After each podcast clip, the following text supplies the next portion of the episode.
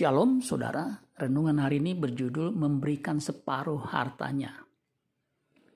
Lukas 19 ayat 8. Tetapi Sakius berdiri dan berkata kepada Tuhan, Tuhan setengah dari milikku akan kuberikan kepada orang miskin dan sekiranya ada sesuatu yang kuperas dari seseorang akan kukembalikan empat kali lipat apa yang Yesus lakukan yaitu menumpang di rumah Sakius membuat semua orang terkejut dan bersungut-sungut.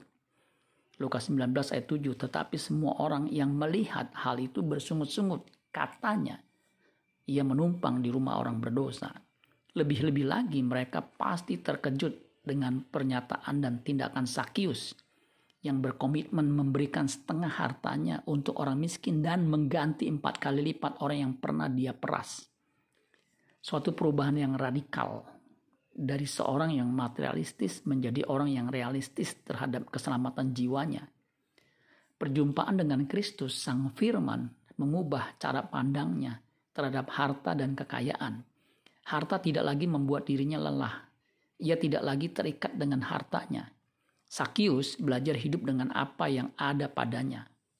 Asal ada makanan dan pakaian cukuplah. Beberapa waktu lalu saya dikejutkan dengan headline berita di media online.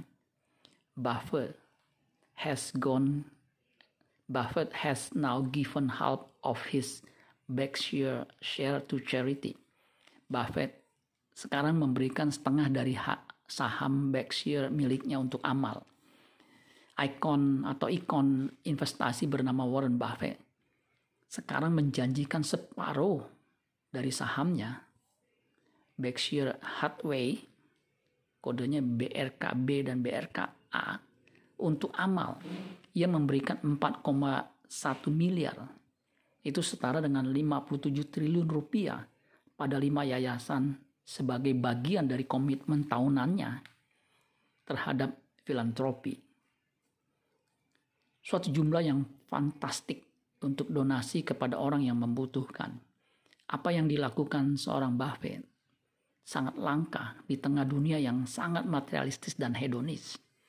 Gereja harusnya mengajarkan Injil yang benar seperti yang diajarkan oleh Tuhan Yesus, yaitu hidup sederhana dan menjadi anggur yang tercurah, roti yang terpecah bagi sesama, terutama bagi mereka yang miskin. Sebagaimana Bapak murah hati, demikian hendaknya demikian demikian hendaknya juga orang Kristen.